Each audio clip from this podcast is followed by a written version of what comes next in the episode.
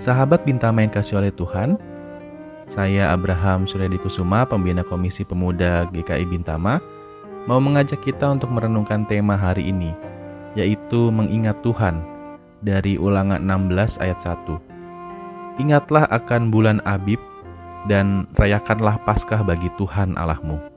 Sebab dalam bulan Abib itulah Tuhan Allahmu membawa engkau keluar dari Mesir pada waktu malam.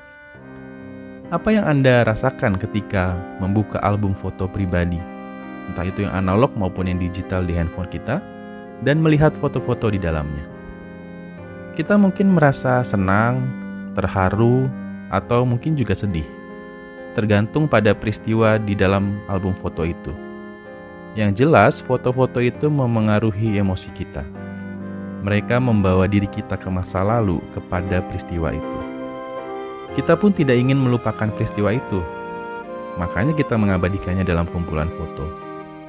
Oleh karena itu, bagi saya, album foto mengajarkan kita untuk mengingat masa lalu, bukan melupakannya. Teks ulangan 16 bukan sekedar instruksi penetapan hari-hari raya penting bagi orang Israel. Teks ini juga bukan tentang berbagai aturan belaka yang harus dilakukan pada hari-hari raya itu. Namun teks ini hendak mengingatkan identitas bangsa Israel tentang siapa mereka. Kata ingatlah diulang sebanyak dua kali dalam teks ini, dan diikuti dengan status bangsa Israel sebagai budak di Mesir pada masa lalu. Dengan demikian, hari raya itu syarat makna sebenarnya.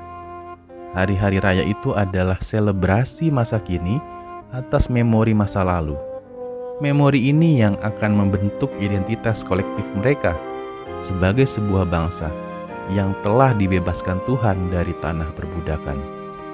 Sahabat Bintama, kita perlu mengingat masa lalu. Mengingat masa lalu bukan untuk memenjarakan kita dalam nostalgia, sehingga kita gagal untuk hidup di masa kini.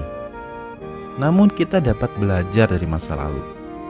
Hal ini juga berlaku dalam perjalanan iman kita Misalnya pada masa lalu kita mengalami kegagalan atau mengalami pergumulan berat, namun Tuhan mengulurkan tangannya untuk menolong kita pada waktu itu. Maka jika kita sedang mengalami kegagalan atau pergumulan saat ini, iman kita dikuatkan untuk berharap pada pertolongan Tuhan. Jika Tuhan dapat menolong kita di masa lalu, maka Tuhan juga dapat menolong kita pada saat ini. Kiranya Tuhan memberkati puasa dan kegiatan kita hari ini. Amin.